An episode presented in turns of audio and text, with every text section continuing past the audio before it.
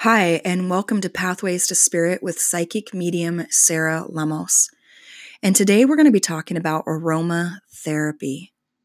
Just even saying the words make me so calm, I might have to take a nap. So, welcome into Pathways to Spirit. My name is Sarah Lemos. I'm a world renowned psychic medium and uh, co host of Ghost of Morgan City. And we're going to be talking about aromatherapy, and how you can activate, relax, soothe, or um, jump up and do a little ditty um, using aromatherapy. So, why would we use aromatherapy in our lives? And I'm going to take this a little bit deeper for the sensitives, those of us that are empaths, knower, seer, feelers, and hearers, those of us that work with our gifts or are in classes trying to learn about our gifts. And so we're going to talk about some basic aromatherapy and why we might use it. Um, there is magic in aromatherapy um, through the terpenes, the plant terpenes that are found inside each and every single one of those beautiful little bottles. And um, they will help you ease and relax with something like lavender or excite and get you creative like orange um, orange citrus blend. And you can use aromatherapy throughout your home, on your pillows, or in your car. And a lot of people now wear uh, aromatherapy um, to help themselves not only with the emotional stress of the world, but honestly, some people suggest that it actually helps their health. That's right by putting a few drops of tea tree oil on or a few drops of balance blend or citrus fresh, people are finding a way of healing through aromatherapy. Um, there's also ways of infusing water with aromatherapy so that you can actually drink it. Um, of course, you're going to want to do more research than just listening to this podcast. Um, but it is amazing, and people are finding such healing using aromatherapy. So, when might you use aromatherapy? Well, if you're stressed, overwhelmed, and exhausted, I would suggest a few drops of lavender. Um, and you can make your own infusions by using a few drops of water and a few drops of lavender. And you can spritz your pillows or your bedding. And as you get into bed, you can smell that beautiful lavender and relax and fall asleep.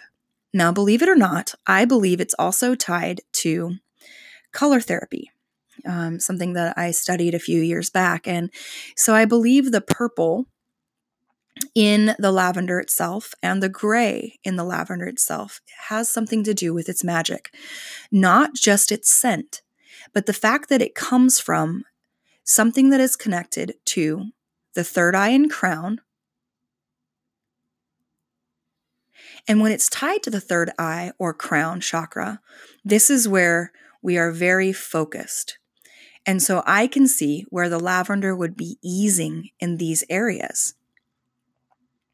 Now, as I've told many people, I like to use orange, um, citrus fresh orange smelling um, in my office, and I like to use it in the car because using um, orange, the smell of orange pill or orange is very awakening. Um, it's very vibrant to the body. Um, it if you take one smell of it and you can feel it like go straight into the nostrils, right into the body, and the body is activated.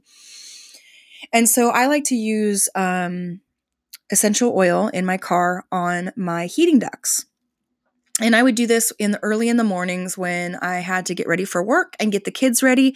I would put a few drops of this uh, beautiful scent and it would do just that, awake us all up and get us creative. Now again, I'm going to go back to color therapy on this. The color is orange. And um, orange is great for the sacral chakra and creativity. Um, and so I love, um, I love that just a little bit of orange uh, spritzed in my car, um, or honestly, next to me in a diffuser. um, which are just beautiful little devices. You can find them anywhere.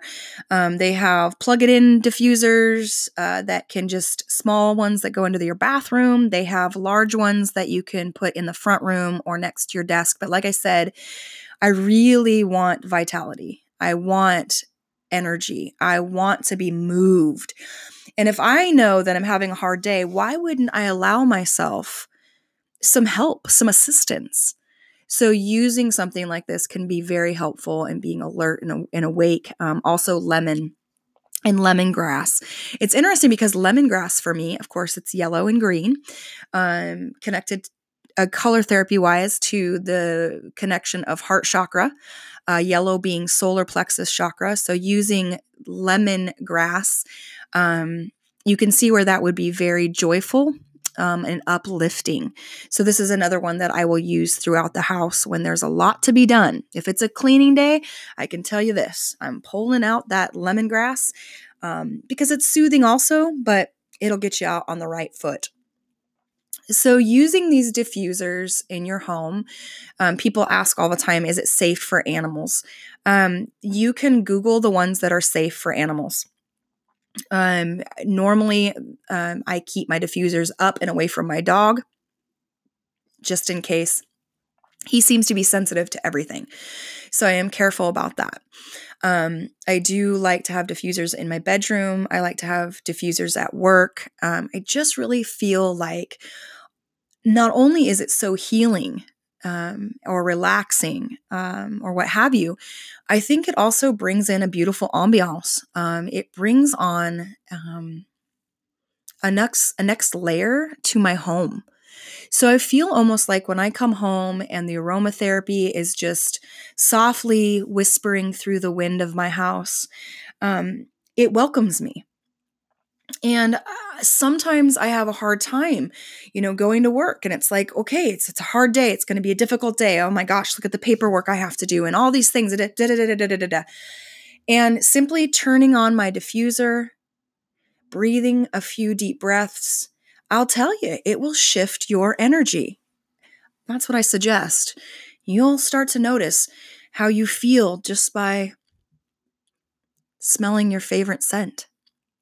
Now, you can use all kinds of different ones that are out there. Anywhere you look, there's Young Living, there's um, Walmart sells their own brand. Um, we have Nature's Truth. Um, everywhere you look, um, they're selling them. So they're very easy now to find. You can find them at Fred Meyer's, you can find them at Walmart, you can find them at Life Source. Anywhere you look, you can find your essential oils, and they're a lot of fun. Now, of course, you can go even deeper and learn how to make perfumes and soaps and candles. Um, and again, for me, these are all comforting things.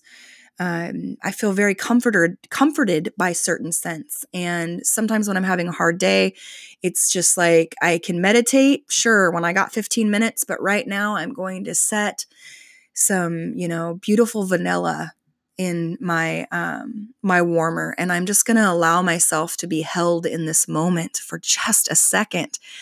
And i find you know hygge as i am studying hygge and this idea is of cozy living this is pretty perfect for this also. So allowing yourself to have some peace and grace um, some comfort um, this is one way to add some of that into your life now, again, um, you can do your research because there is a lot of aromatherapy out there that is for healing, is for your lungs um, for breathing deeper and clearer. There are aromatherapies out there to help with the skin.